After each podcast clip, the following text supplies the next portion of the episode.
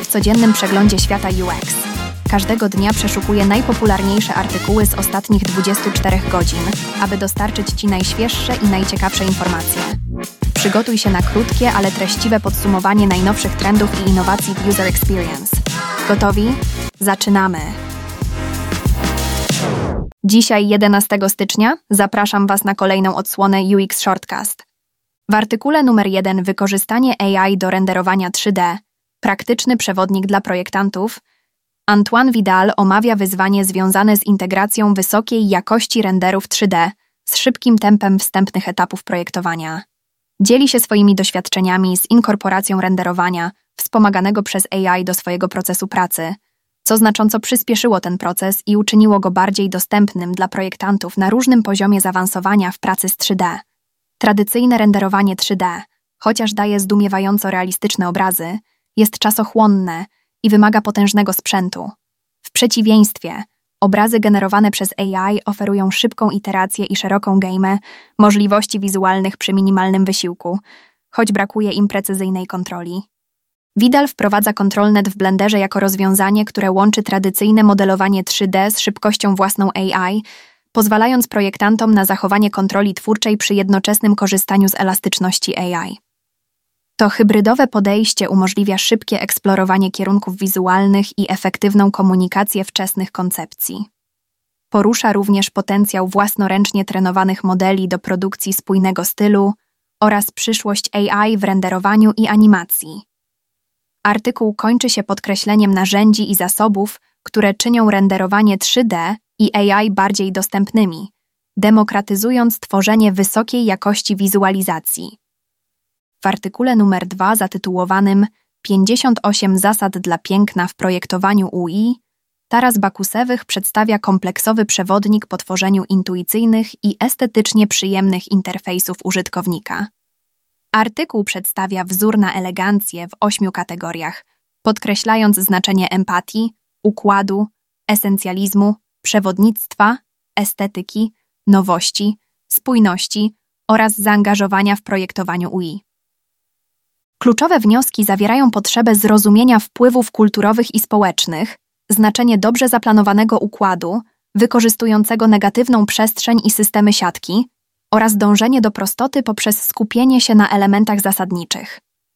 Artykuł podkreśla również rolę typografii i koloru w poprawie czytelności i rezonansu emocjonalnego, a także wpływ wysokiej jakości zawartości wizualnej na zaangażowanie użytkownika.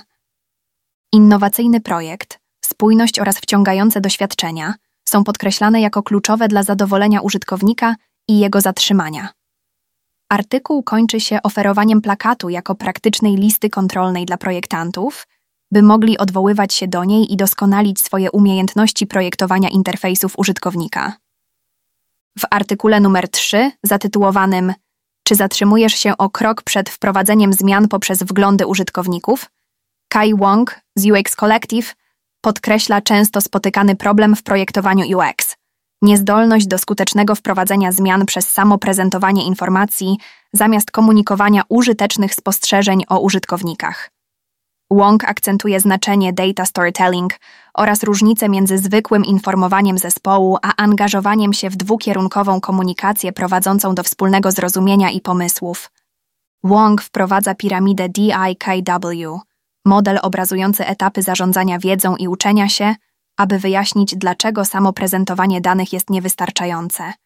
Ilustruje to przykładem prezentacji z badań użytkowników, gdzie pokazywane są surowe dane z testów użytkowników bez analizy. Takie podejście, jak argumentuje Wong, nie przekłada się na konieczne do działania spostrzeżenia, które potrzebne są zespołom do zaakceptowania znaczących zmian projektowych.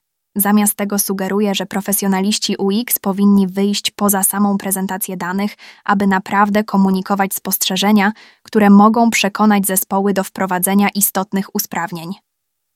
W artykule numer 4 zatytułowanym Poza systemami projektowania dla interfejsów Mega system systemów projektowania Marie Louwin bada pojęcie systemów projektowania wykraczających poza same interfejsy użytkownika – Argumentuje ona, że podczas gdy tradycyjne systemy projektowania koncentrują się na elementach interfejsu użytkownika, takich jak wzorce i komponenty, Są one częścią większego ekosystemu w organizacjach, zwłaszcza w dużych, z wieloma produktami i usługami. WIN przedstawia topologię systemów projektowania z pięcioma poziomami, z których każdy ma coraz szerszy zakres.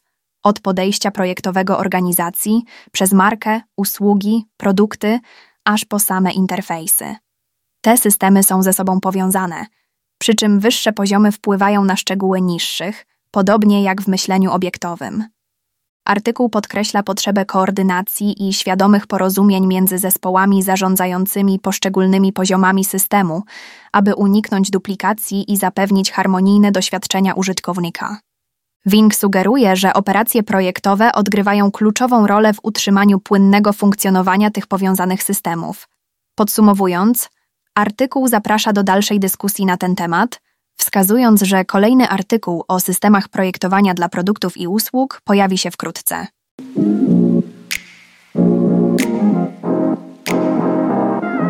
Dziękuję za wysłuchanie i zapraszam na kolejną dawkę wiedzy już jutro.